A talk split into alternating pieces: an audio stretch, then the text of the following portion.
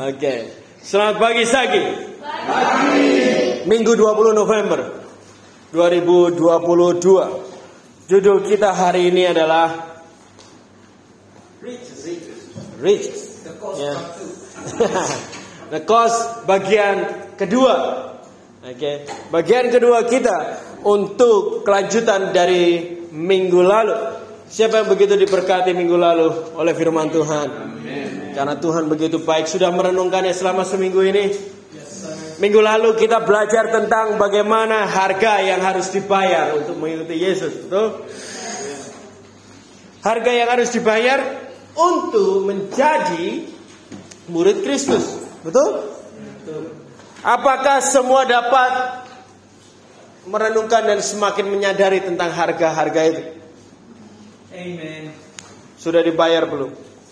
Atau sudahkah Anda siap membayarnya? Oh, Sunday school? Okay. We expect to our kids be here today. So. We'll be here, we'll be okay. Yeah. yeah. Sit, son. This is your Sunday school. Listen to Papa. Okay? Ya, Syama kayaknya uh, dia speak English tapi dia sudah mengerti beberapa bahasa Indonesia. Tapi dia jawabnya di bahasa Inggris. Gitu. Jadi Vera nanya saya kemarin baru dia nanya, nah, di mana kunci motor ya? Di mana kunci motor? Terus dia bilang, I don't know, where is the key? Nah. You understand? Tapi dia jawabnya di bahasa Inggris karena dia nggak suka Nesha dia bilang. I don't like Nesha dia bilang. Tapi dia mengerti. Jadi Tuhan baik.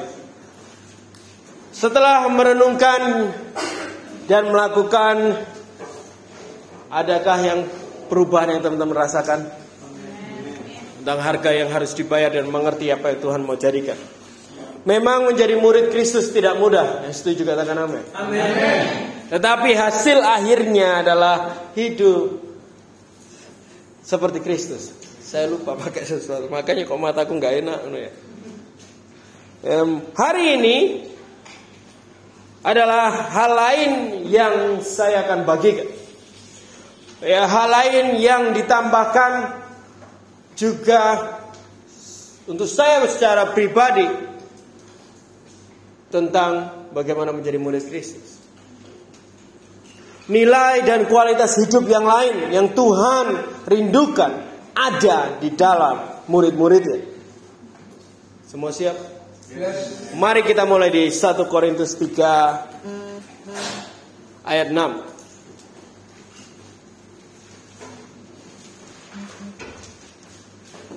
Satu Korintus 3 ayat 6 Yang sudah dapat katakan amin Amin.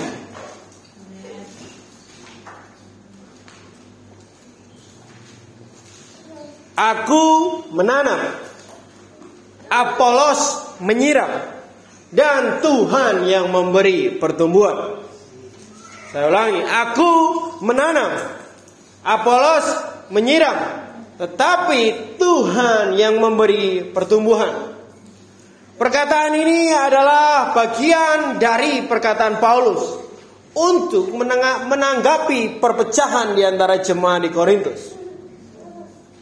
Perpecahan perpecahan yang dialami karena sebagian mereka merasa bahwa mereka adalah murid Paulus. Dan ada sebagian dari mereka merasa murid Apolos. Ya. Yang pertama adalah yang kita mau lihat dari ayat ini. Paulus jelaskan bahwa sebenarnya tidak ada yang dapat menyatakan aku ini murid Paulus atau aku ini murid Apolos. Karena mereka semua adalah murid Kristus. Walaupun mereka mengikuti kehidupan Paulus atau juga kehidupan Apolos, mereka tetaplah murid Kristus.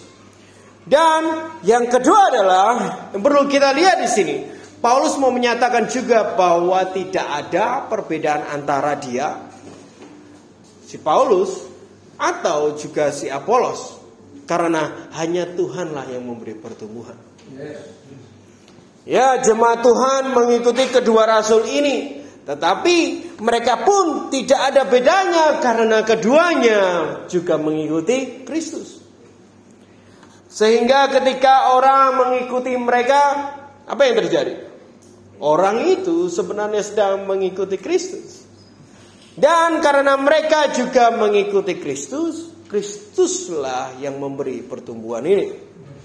Hal lain ini juga yang menguatkan saya untuk sadar bahwa setiap pertumbuhan yang terjadi di dalam jemaat Tuhan setiap pertumbuhan yang terjadi di setiap hidup Bapak Ibu Saudara itu semua karena Kristus. Pertumbuhan yang terjadi di hidup Bapak Ibu Saudara dan segala sesuatu dan karena segala sesuatu yang dari dan ada di dalam Kristus. Tidak ada sesungguhnya murid Pak Bren atau Pak Giri. Yang ada adalah kita semua murid Kristus. Kamu hanya belajar menjadi murid Kristus seperti bagaimana kami menjadi murid Kristus. Dan juga yang penting adalah setiap kita harus menyadari bahwa pertumbuhan hanya datang dari Kristus. Tidak dari manusia Bapak Ibu Saudara. Dan bahkan tidak dari jeripayahmu. Jeripayah kita hanya sampai kepada berusaha untuk taat. Tetapi di dalam ketaatan itu firman Tuhan akan ada di dalam kita dan Kristus di dalam kita. Di situlah kehidupan Tuhan di dalam kita. Membawa apa? Membawa pertumbuhan itu. Membawa pertumbuhan kita menjadi murid Kristus. Ingat bahwa Tuhanlah yang memberi pertumbuhan. Ingat ya. Jangan lupa. Iya toh? Tuhan saja yang memberi pertumbuhan. Haleluya. Kenapa pertumbuhan ini penting? Kenapa kita harus bertumbuh? Efesus 4 ayat 1.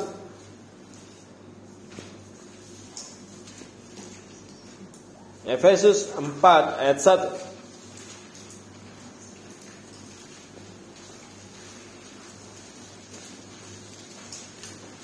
Yang sudah dapat katakan bertumbuh. Sebab itu aku menasihatkan kamu. Aku orang yang dipenjarakan karena Tuhan. Supaya hidupmu sebagai orang-orang yang telah dipanggil. Berpadanan dengan panggilan itu. Pernah kamu datang ke seseorang yang memiliki gelar tertentu gitu ya. Tetapi setelah ngobrol sama dia ya mengenal lebih dalam, ah, nggak yakin kalau dia sebenarnya gelarnya itu Paulus kembali mengingatkan jemaat Tuhan bahwa mereka harus memiliki kehidupan yang sepadan dengan panggilan mereka. Artinya adalah kita dipanggil sebagai murid Kristus. Amin. Dan hidup untuk Kristus. Tapi apakah kehidupan kita sehari-hari layak dan sepadan dengan sebutan itu? Dengan pengakuan kita itu. Maksudnya adalah untuk menjadi murid Kristus saja nggak cukup.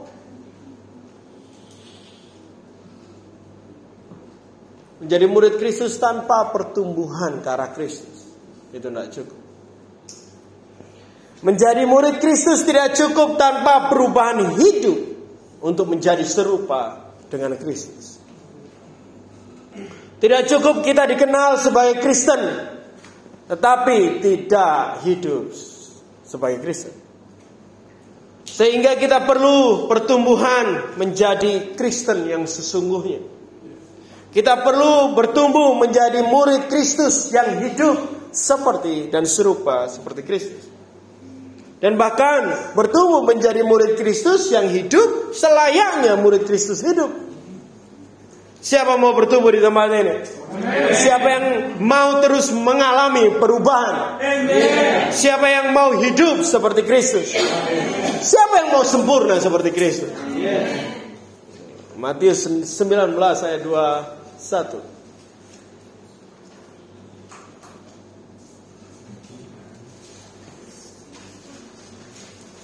Matius 19 ayat 21.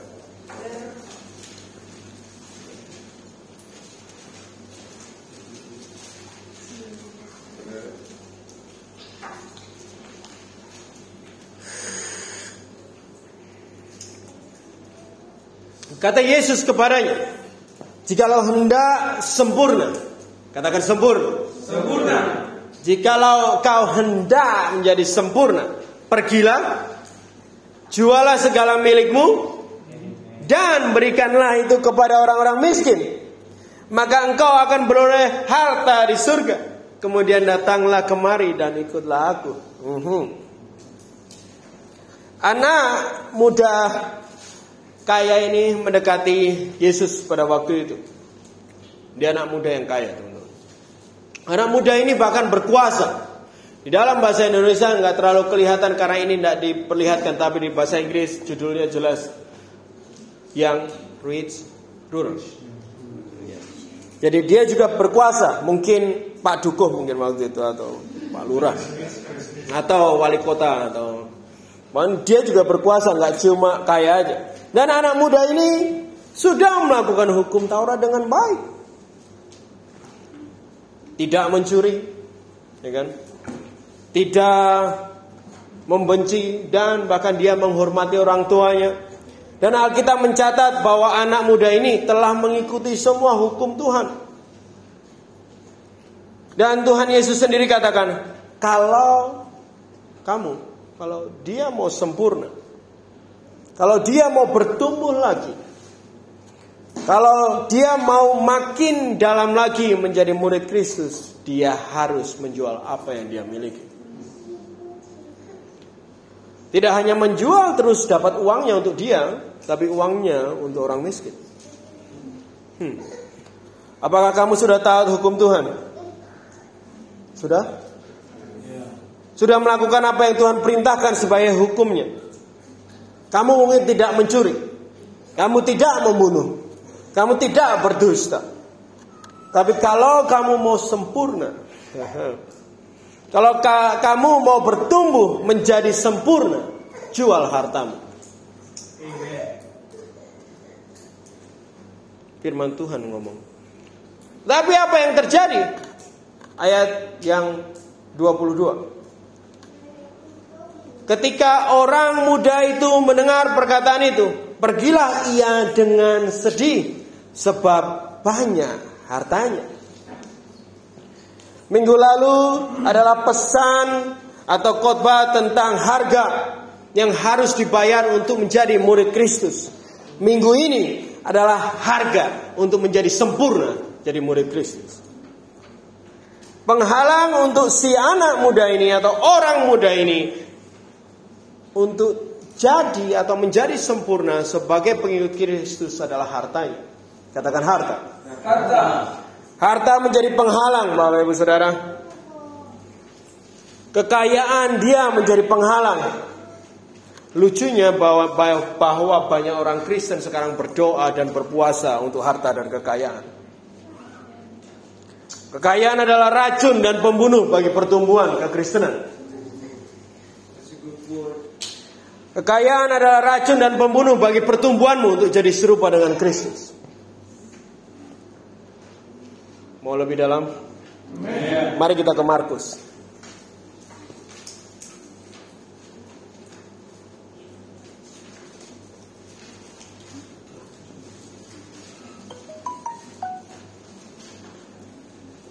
Ini tulisannya salah ini, harusnya Markus ya. Harusnya Markus 4 bukan Matius ya. Markus 4 ayat 9 ayat 18.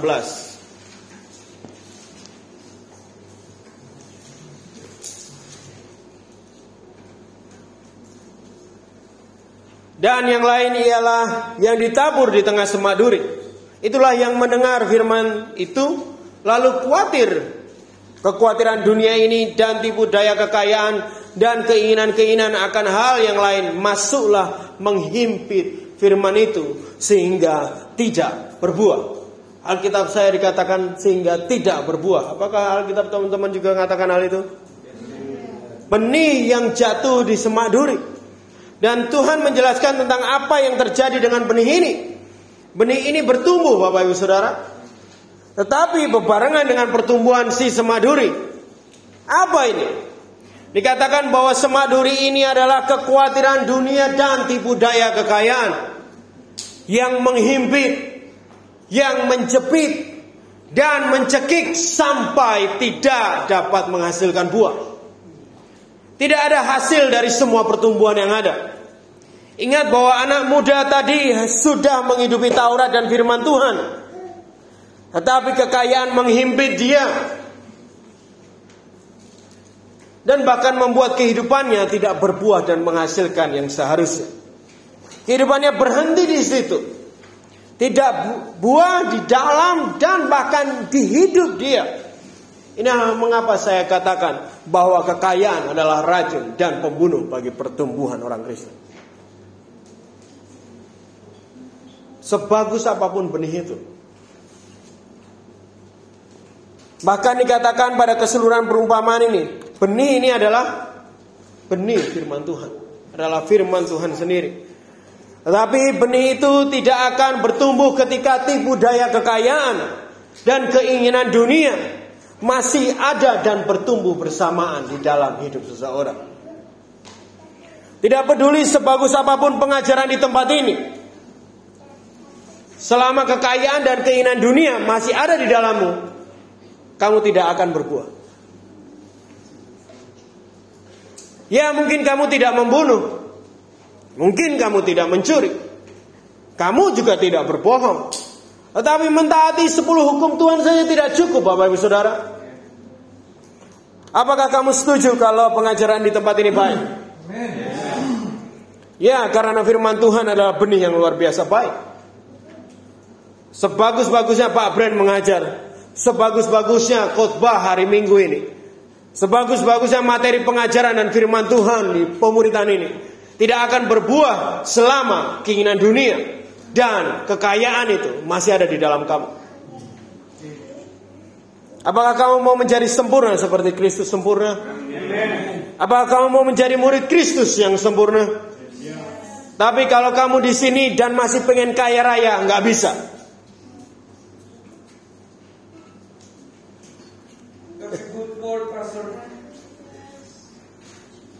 Markus 10 ayat 23.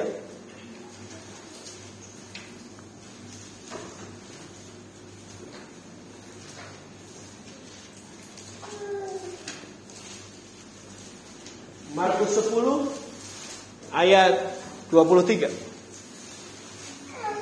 Yang sudah dapat katakan amin. Amin.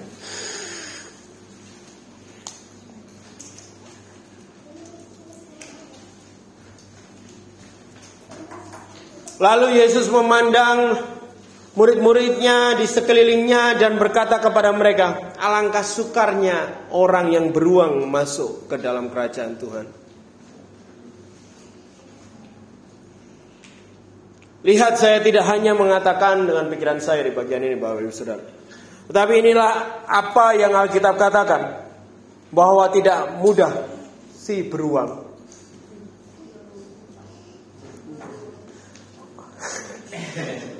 Mari penerjemahnya kok pakai kata beruang itu ya. Aduh. Orang maksudnya orang yang memiliki uang sulit untuk masuk kerajaan surga. Siapa yang punya uang hari ini? Hati-hati jangan-jangan kamu jangan-jangan itu kamu sulit masuk kerajaan surga.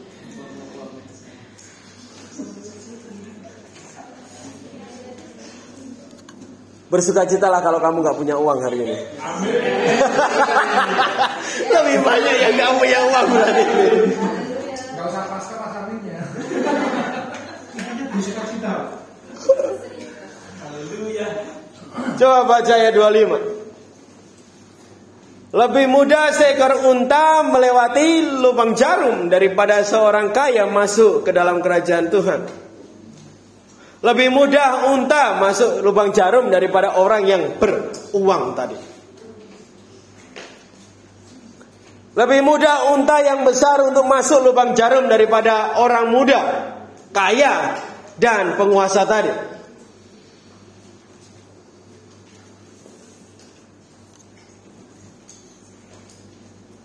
Banyak orang melihat ayat ini seperti ini.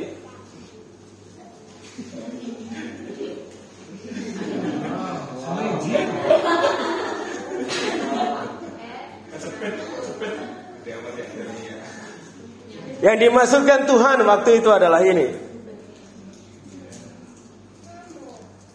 Lubang jarum adalah pintu kecil di bagian gerbang kota yang dibuka lebih sering daripada pintu gerbang yang besar. Bisa lihat ini pintu seluruhnya itu lubang jarumnya doang yang dibuka. Gitu. Sehingga sering para pelancong, pelancong atau pedagang harus memasukkan unta dan barang-barang mereka melalui lubang jarum ini yang kecil karena lebih sering itu yang dibuka. Bagi mereka, saat Tuhan Yesus menyatakan hal ini, mereka mengerti bagaimana sulitnya bawa unta dan barang-barang itu melalui lubang kecil ini. Tetapi orang kaya bahkan lebih sulit untuk masuk kerajaan surga daripada kesulitan yang sering mereka alami setiap hari. Bahkan orang kaya lebih sulit untuk masuk kerajaan surga daripada kesulitan yang mereka udah ngerti sulit banget itu untuk memasukkan unta dan semua barang-barang lewat pintu ini. Hati-hati kalau kamu punya uang hari ini.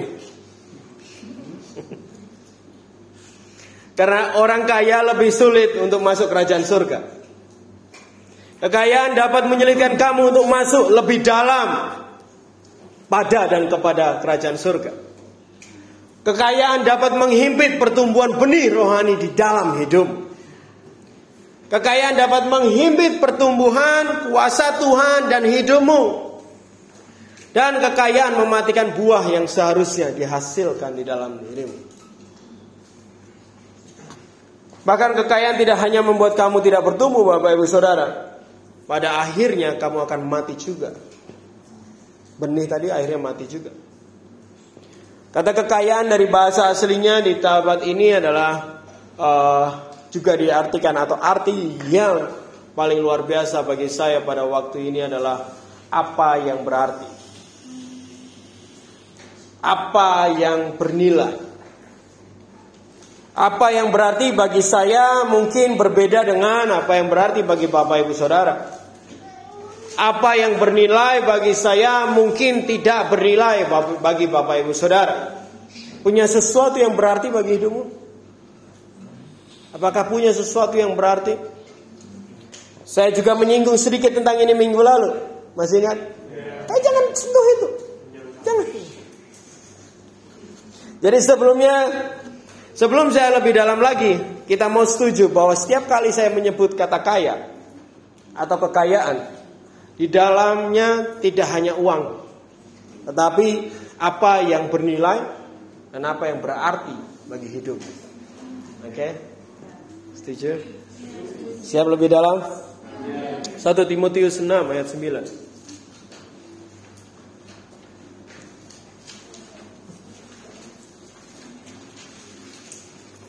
Satu Timotius 6 ayat 9 sebelum 1 Timotius 7.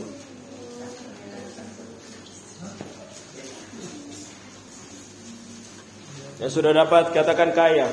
Kaya. ya. Tetapi mereka yang ingin kaya,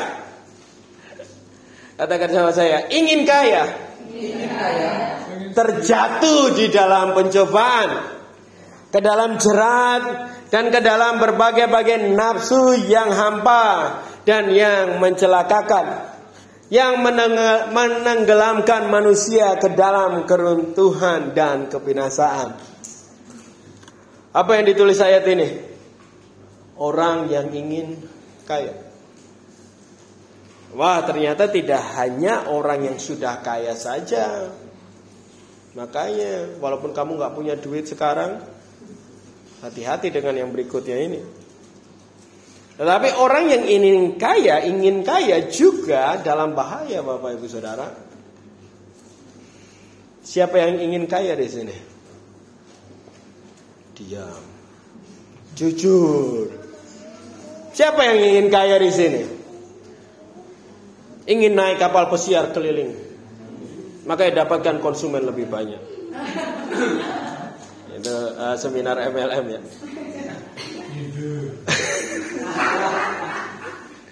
Dikatakan bahwa orang yang ingin kaya terjadi atau terprosok gampang masuk dalam pencobaan. Siapa di sini pernah nonton film melalui web streaming gratis? Apa iklannya di situ? Judi online. Judi online ya toh? Bagi saya yang saya lihat adalah iklan yang mengganggu karena pengen cepet-cepet nonton film ya. Tapi bagi orang yang pengen kaya, iklan itu bisa jadi jawaban doa bagi.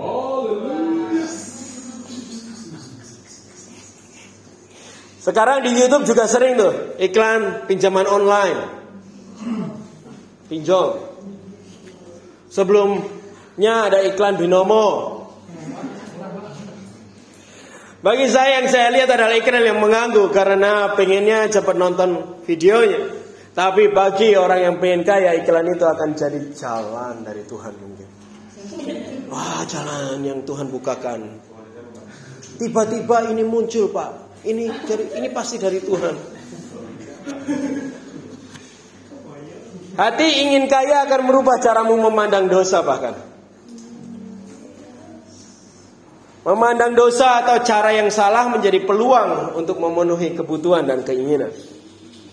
Keinginan kaya ini akan menjerat, ayat ini katakan. Bahkan juga dapat membawa banyak macam nafsu yang sia-sia. Katakan nafsu. Nafsu. Yang membawa ke dalam kecelakaan. Katakan kecelakaan. kecelakaan. Kata kecelakaan di sini untuk memahaminya adalah kehidupan yang tidak sadar atau tidak bijak. Ya, mengambil keputusan tanpa pertimbangan dan kehancuran selalu menjadi ujung orang yang tergesa-gesa mengambil keputusan. Ingat tadi saya katakan bahwa keinginan dunia adalah dan keinginan menjadi kaya yang membuat kamu tidak bertumbuh dan berbuah, betul? Bahkan juga tidak membawa kita untuk masuk. Bahkan juga membawa kita untuk tidak masuk ke dalam kerajaan Tuhan. Tidak peduli seberapa bagus dan seberapa baiknya pengajaran di tempat ini. Selama kekayaan menjadi dan masih menjadi apa yang kamu inginkan dan kamu rindukan dan kamu mimpikan, kamu akan selalu jatuh bangun dalam pencobaan dosa. Tidak peduli sebagus apa pun pengembalaan di tempat ini. Selama kamu ingin kaya, kamu akan selalu di dalam bahaya. Bahaya seperti masih mudah untuk jatuh di dalam dosa. Kamu sedang berjalan seperti sedang berjalan di lantai yang licin. Ya kamu berjalan tapi kamu sangat rentan untuk jatuh. Itu karena hatimu akan kekayaan dan kemakmuran masih ada. Jadi cek hatimu hari ini.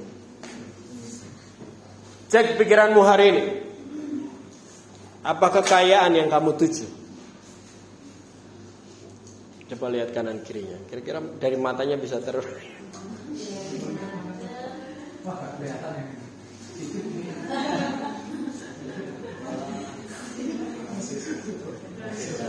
Kita lihat di ayat 10 Bapak Ibu Saudara.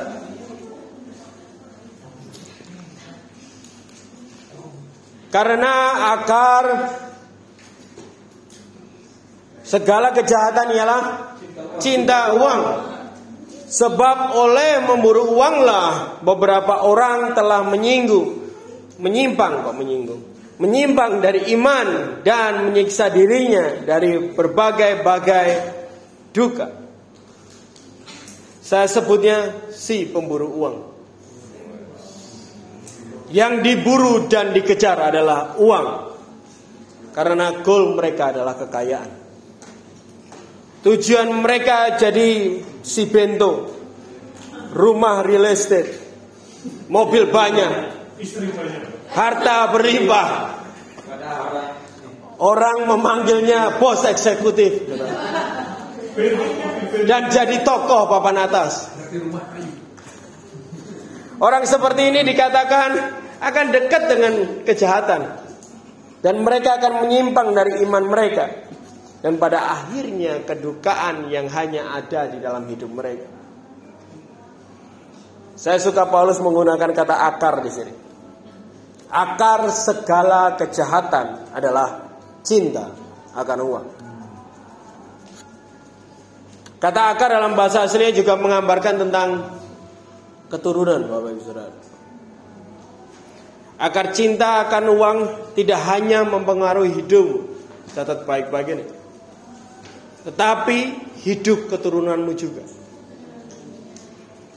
Apakah kamu mau ber, bertahan di posisi cinta uang ini?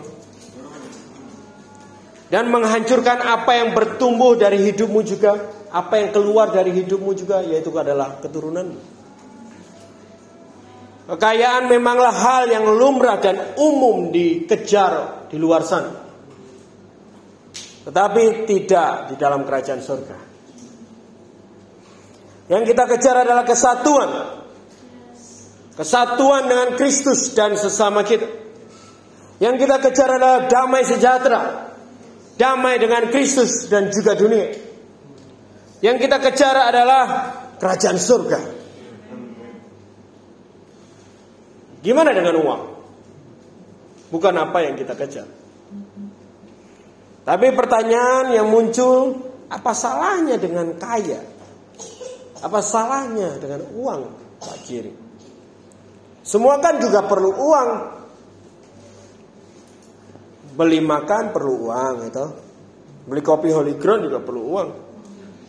Hidup perlu uang. Ada yang punya pertanyaan ini di kepalanya saat ini? Hmm? Nah yang benar. Mazmur 52 ayat 7. Dan terjemahan lain ayat 9.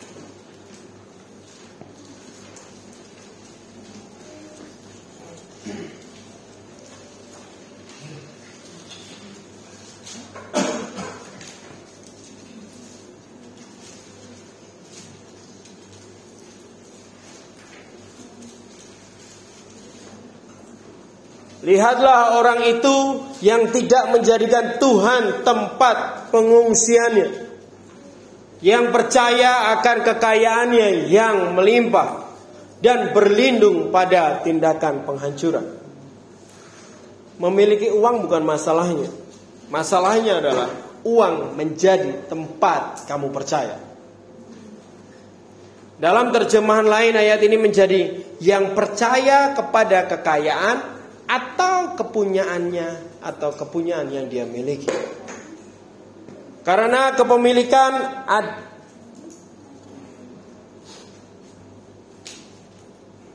Karena kepemilikan atau apa yang dia miliki menjadi tumpuan hidupnya. Ini yang Tuhan tidak suka. Ketika orang menaruh hatinya pada apa yang mereka miliki. Ini yang Tuhan nggak suka. Ketika orang menaruh kepercayaannya pada apa yang mereka miliki. Ini Tuhan yang nggak suka. Ketika orang menaruh ketenangannya pada seberapa banyak uang yang mereka miliki.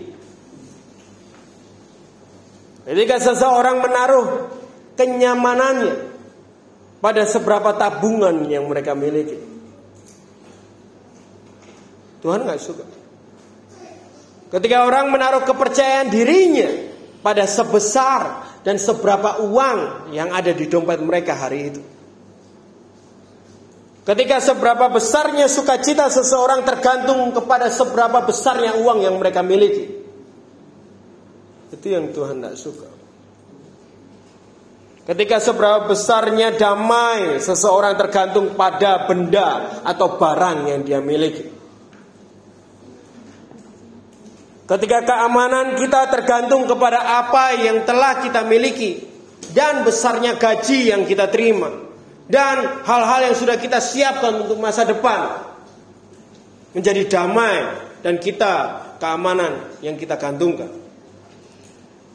Tuhan adalah tempat perlindungan dari segala sesuatu. Artinya adalah Tuhan yang menjadi tumpuan utama untuk semua itu. Untuk kepercayaanmu, untuk ketenanganmu, untuk kenyamanan, untuk kepercayaan dirimu, bahkan untuk sukacita diri hidupmu dan damai dan bahkan keamanan yang dapat engkau miliki. Tuhan adalah sumber dari segala sesuatu itu. Orang yang menulis ini adalah mereka yang sudah memiliki pengalaman bahwa apa yang mereka miliki tidak menjamin kemenangan yang mereka dapatkan. Mereka menyadari kalau Tuhanlah satu-satunya tempat perlindungan dan yang sesungguhnya membawa kemenangan. Apakah sukacitamu masih tergantung seberapa duit yang kamu miliki hari ini? Apakah bahagiamu masih tergantung dengan barang yang kamu miliki? HP terbaru atau tidak, jam yang canggih atau tidak, baju yang paling hits atau tidak. Tuhan mau kita percaya kepadanya saja. Tuhan mau kita bergantung kepadanya saja. Ini perkataan firman Tuhan kepada kita hari ini. Bahwa Tuhan mau pastikan muridnya tidak menggantungkan hidupnya kepada hal lain, yaitu uang dan kepemilikan. Kisah Rasul 8 ayat 18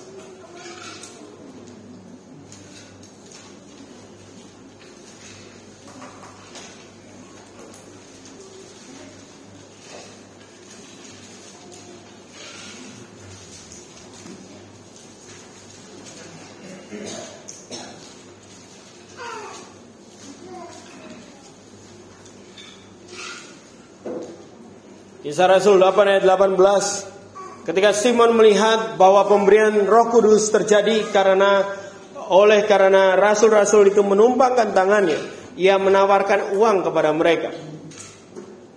Serta berkata, berikanlah juga kepadaku kuasa itu, supaya jika aku menumpangkan tanganku di atas seseorang, ia boleh menerima roh kudus. Ini adalah salah satu contoh bagaimana uang dapat merubah seseorang dan cara mereka bahkan melihat kuasa Tuhan. Pada saat itu mujizat dan kuasa banyak ditunjukkan oleh para rasul dan murid-murid Kristus.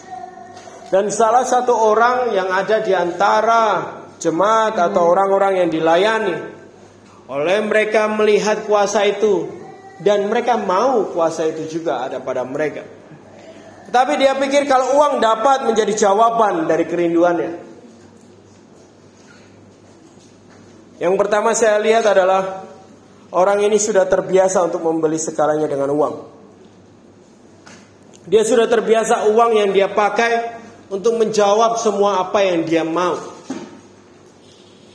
Kepercayaannya dia serahkan kepada uang. Uang dapat membantu dia untuk membeli kuasa, membeli kuasa atau membayar kuasa yang dia inginkan. Apa yang pernah bahkan mungkin hanya terbersit di kepala kita. Adakah yang pernah atau sedang berpikir seperti itu? Mungkin enggak. Kamu merasa asalkan aku punya uang lebih saat ini, pasti kondisiku lebih dari lebih baik. Asalkan aku punya uang banyak saat ini, pasti aku punya kuasa lebih, bisa melakukan banyak hal lebih. Asalkan aku punya, aku dapat melakukan lebih banyak lagi. Bahkan ada yang percaya kalau mereka punya uang lebih lagi, gereja mereka akan lebih berkuasa. Akan lebih banyak orang datang. Akan lebih hebat ibadahnya. Akan lebih menjangkau banyak orang. Aku, saya berdiri di sini sebagai bukti dan saksi bahwa kuasa Tuhan lebih besar dari uang. Bahkan lebih besar dari apa pun benda di dunia ini. Apa pun barang di dunia ini. Bukan karena apa yang saya miliki yang membuat saya efektif, tetapi kuasa Kristus Tuhan yang mengerjakan segalanya. Kuasa Roh Kudus ada sedikit pun bahkan tidak sama dengan kuasa uang Bapak Ibu Saudara. Kuasa Roh Kudus lebih besar dari apa pun itu. Simon pun menegur keras orang ini di ayat 20. Dikatakan, "Binasalah kiranya uangmu itu bersama dengan engkau, karena engkau menyangka bahwa engkau dapat membeli karunia Tuhan dengan uang." Hanyalah kebinasaan yang terjadi pada mereka yang hidup seperti ini. Karena tidak ada dan tidak seorang pun dapat membeli karunia Tuhan. Dan uang bahkan tidak sedikit pun dekat atau sama dengan kuasa Tuhan. Lihat betapa bahayanya kekayaan dan cinta akan uang itu. Saya rasa kalau saya ngomong uang memang Oh memang aku nggak punya uang pak. Tapi selalu ingat ketika saya bilang uang atau kekayaan ini saya bicara tentang hal-hal yang kamu sukai dan kamu sayangi di hidupmu sekarang. Yang kamu bahkan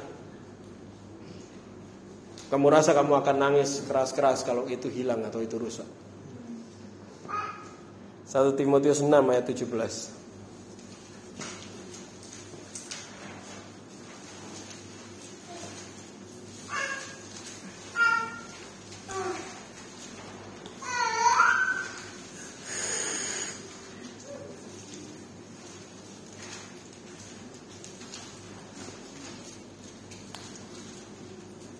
1 Timotius 6 ayat 17.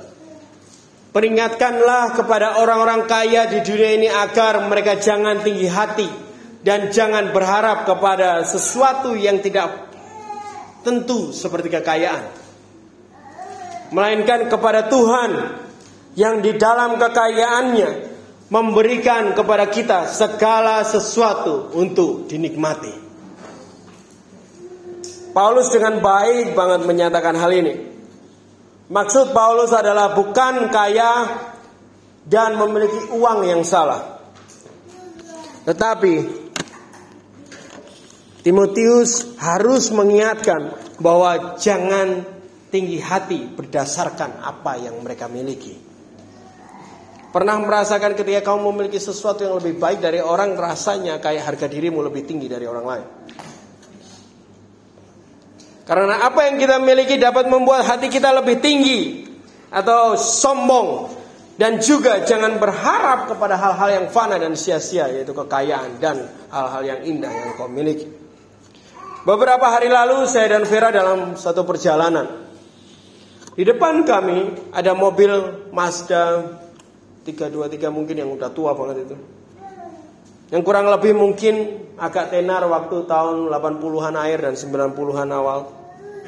Saya bilang ke Vera, suatu saat lalu ya, ada orang yang bahkan tidur bermimpi untuk memiliki mobil itu. Dan ada orang yang bekerja keras untuk mendapatkannya. Tetapi sekarang tidak ada yang bahkan menolehnya dan melihat mobil itu. Hanya berapa tahun saja kekayaan dan kepemilikan itu tidak ada harganya lagi. Segitu fananya Bapak Ibu Saudara. Segitu fananya sebenarnya kekayaan itu. Segitu fananya sebenarnya kepemilikan itu. Dan Paulus menyadari hal ini sehingga dia tidak mau mereka jemaat Tuhan menaruh hati, pikiran dan hidup mereka ke hal-hal yang gak tentu dan sia-sia seperti itu. Melainkan dia kuatkan jemaat Tuhan untuk menaruhkan semua itu kepada Tuhan. Tuhan yang di dalam kekayaannya bahkan memberikan kepada kita segala sesuatu untuk dinikmati. Berharaplah kepada Tuhan. Ngomong kanan kiri berharaplah kepada Tuhan. Taruhlah harapanmu kepada Tuhan. Taruhlah Taruhlah hatimu kepada Tuhan. Taruhlah hidupmu kepada Tuhan.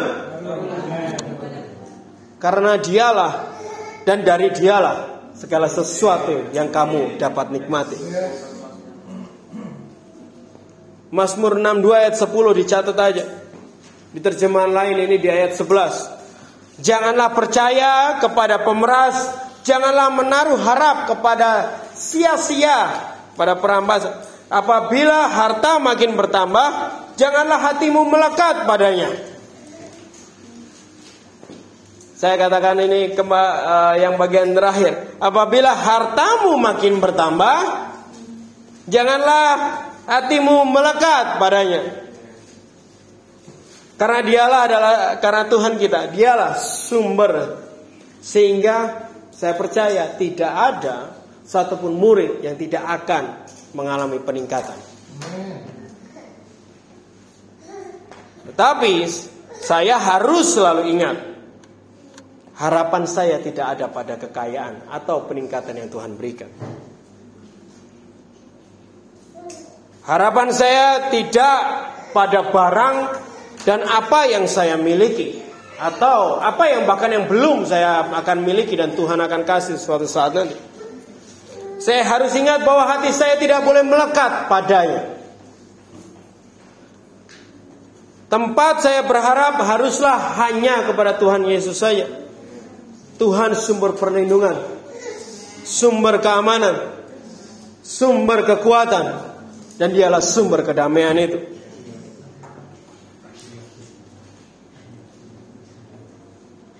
Bicara tentang hikmat pengkhotbah juga salah satu yang luar biasa. Pengkhotbah lima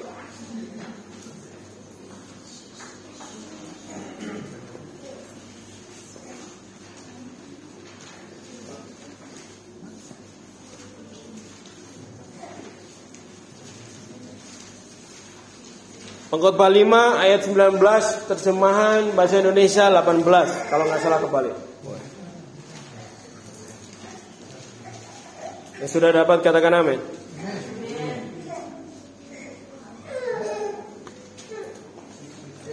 Setiap orang yang dikaruniai Tuhan kekayaan dan harta benda dan kuasa untuk menikmatinya, untuk menerima bagiannya, dan untuk bersuka cita dalam jerih payahnya. Juga itu pun karunia Tuhan. Lihatlah apa yang kamu miliki. Uang atau barang itu adalah dan menjadi sesuatu yang Tuhan karuniakan ke hidup kita. Dia memberikan karena kasihnya ke kamu. Kasihnya yang juga melihat jerih payahmu. Di Amsal 10 ayat 4 catat aja tangan yang lamban membuat miskin tapi tangan orang rajin menjadikan kaya. Untuk apa Tuhan kasih kita hal-hal ini? Untuk menikmatinya, bukan untuk percaya padanya. Bisa mengerti di sini. Dan setiap kita telah diberikan bagian kita masing-masing untuk bersuka cita dan kasih karunia Tuhan itulah di mana kita boleh menikmati karena itu karunia Tuhan. Saya percaya Tuhan akan memberi peningkatan pada setiap hidup Bapak Ibu Saudara semua. Tetapi bukan untuk menggantikan Tuhan di hidupmu. Tetapi untuk menikmatinya sebagai kasih karunia dari Tuhan yang diberikan kepada hidup kita. Kalau Tuhan kasih peningkatan, apa yang kita harus lakukan? Amsal 3 ayat 9.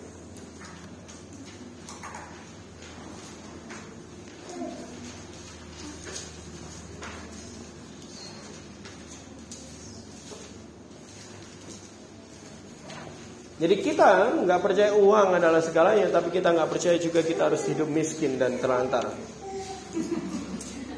Sehingga firman Tuhan ini akan menjawab semua ini. Amsal 3 ayat 9. Muliakanlah Tuhan dengan dan dengan hasil dan dari segala penghasilanmu. Amin. Amin. Ah, benar. Muliakanlah Tuhan dengan apa yang kamu miliki. Dengan semua hartamu muliakanlah Tuhan. Maksudnya adalah dengan apa yang kamu sudah miliki sekarang. Muliakanlah Tuhan dengan itu. Apa pun yang kamu miliki sekarang. Dan juga muliakanlah Tuhan dengan hasil. Maksudnya adalah dengan apa yang kamu akan hasilkan dan hasilkan terus-menerus. Ada beberapa di sini yang mendapat gaji setiap bulan mungkin. Ada yang mungkin per empat minggu. Ada mungkin yang per dua minggu. Muliakanlah Tuhan dengan itu juga. Jadi muliakan Tuhan dengan semua yang ada di kamu sekarang dan juga dengan apa yang Tuhan akan tambahkan ke kamu. Muliakan Tuhan dengan apa yang kamu miliki sekarang dan juga apa yang Tuhan akan beri sebagai peningkatan bagi hidupmu. Jangan melekat. Mungkin yang sekarang kamu sudah bisa lepas, tapi pastikan nanti kalau Tuhan kasih peningkatan, kamu tidak melekat pada hal itu juga. Masih ingat di Markus tadi kita lihat tentang lubang jarum? Cara unta untuk masuk lubang jarum, dia perlu berlutut dan merangkak.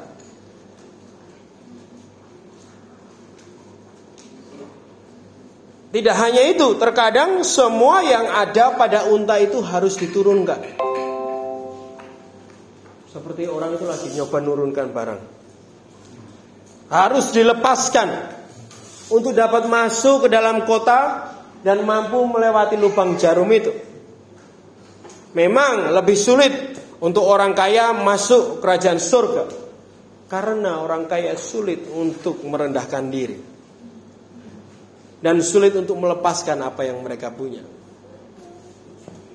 Karena harus merendahkan diri, mereka harus ada dan merendahkan diri, tidak tinggi hati, dan juga melepaskan segala sesuatu yang ada di hidupnya. Ya, kita diberi dan dikaruniai oleh Tuhan, sehingga kita harus siap juga kalau memang kita harus melepaskannya. Enggak Tuhan kasih ke aku, aku gak akan lepaskan. Anak muda yang kaya tadi pergi meninggalkan Yesus dengan sedih ya karena dia tidak mampu melepaskan apa yang dia miliki. Orang yang gagal memuliakan Tuhan dengan hartanya karena mereka tidak mau melepaskannya. Padahal hanya 10 persen tapi waktu mau memberikannya ke bendahara gereja rasanya lebih sakit daripada beli baju untuk dirimu sendiri.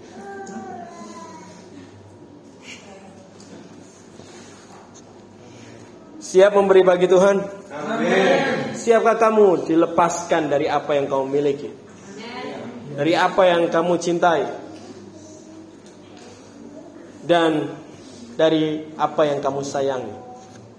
Dari pagi aku bercanda Vera menunjukkan, oh ini apa pereda sakit yang lebih luar biasa, baguslah kasih sama orang yang masih sakit hati melepaskan hartanya. Oh, oh. melepaskan yang mereka sayangi. Ini konsep yang perlu kita pahami. Untuk lebih dalam tentang konsep memberi bisa lihat dan dengar kembali pengejaran tentang memberi yang saya berikan beberapa bulan lalu. Mari kita muliakan Tuhan dari apa yang kita punya dan dari apa yang kita hasilkan dan dari apa yang akan ditingkatkan oleh Tuhan. Mari kita muliakan Tuhan karena hidup kita diciptakan untuk memuliakan Dia. Terakhir di Mazmur 20 ayat 7. Ya, terjemahan lain ayat 8. Karena beberapa dari kita udah banyak beda-beda terjemahan, saya sering harus cek semuanya di ayat yang sama. Loh.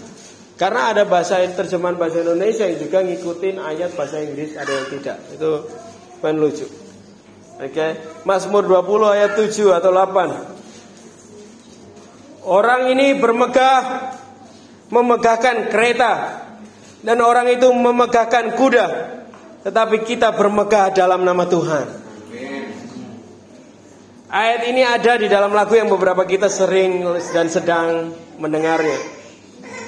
Ya, dalam peperangan mereka memiliki kereta, kereta kuda, ya. Dan mereka memiliki perlengkapan perang. Mereka punya sesuatu. Tetapi kita mau bermegah, mau percaya di nama Tuhan aja. Ada kuasa dalam nama Yesus. Kita menang karena nama Yesus, bukan karena barang dan benda yang kita miliki. Kita menang bukan karena Alkitab kita yang mahal, tetapi karena kuasa nama Tuhan yang kita tinggikan. Kita menang bukan karena alat musik terbaik yang kita punya di gereja atau apa pun itu. Tetapi karena nama Yesus yang kita tinggikan. Emas dan perak tidak ada padaku, tapi nama Yesus yang dapat memulihkan dan ada pada kita. Orang-orang bermegah dan percaya pada apa yang mereka miliki dan untuk menjadi gereja yang efektif. Kita mau terus, tetapi kita akan terus dan tidak akan pernah berhenti untuk bermegah di nama Yesus yang tinggi. Kita akan bermegah dalam nama Tuhan Yesus Kristus Tuhan kita. Kita mau percaya di dalam nama Tuhan Yesus kita sepenuhnya. Ini adalah ajakan bagi setiap kita untuk memahami bahwa kekayaan Tuhan akan tingkatkan, tetapi itu bukan menggantikan Tuhan di hidup kita. Yes. Saya tidak percaya murid Tuhan akan selalu sengsara. Ya di dalam tekanan, tetapi dia juga Tuhan sumber segalanya. Niat Tuhan yang memberikan untuk kita menikmatinya. Bukan dia berikan untuk menggantikan siapa dia. Jangan kejar uang dan apa yang berharga bagi dunia ini. Tapi kejarlah sumbernya supaya kita dapat menikmati hidup damai bersama dia. Siapa yang siap untuk terus meningkat dan bertumbuh bersama Tuhan. Singkirkan keinginanmu untuk kaya hari ini. Singkirkan keinginanmu untuk mengingini barang-barang yang indah dan dunia kejar. Singkirkan apa pun yang dalam hatimu, di mana keinginan dan mengejar hal-hal yang dunia juga kejar. Karena keinginan itu yang akan menghimpit pertumbuhanmu yang buat engkau tidak sempurna seperti Kristus ada. Hari ini adalah ajakan untuk tindakan bagi kita sebagai murid Kristus yang sesungguhnya. Amin. Bagi engkau yang menjadi murid Kristus yang sempurna, mari kita pahit berdiri.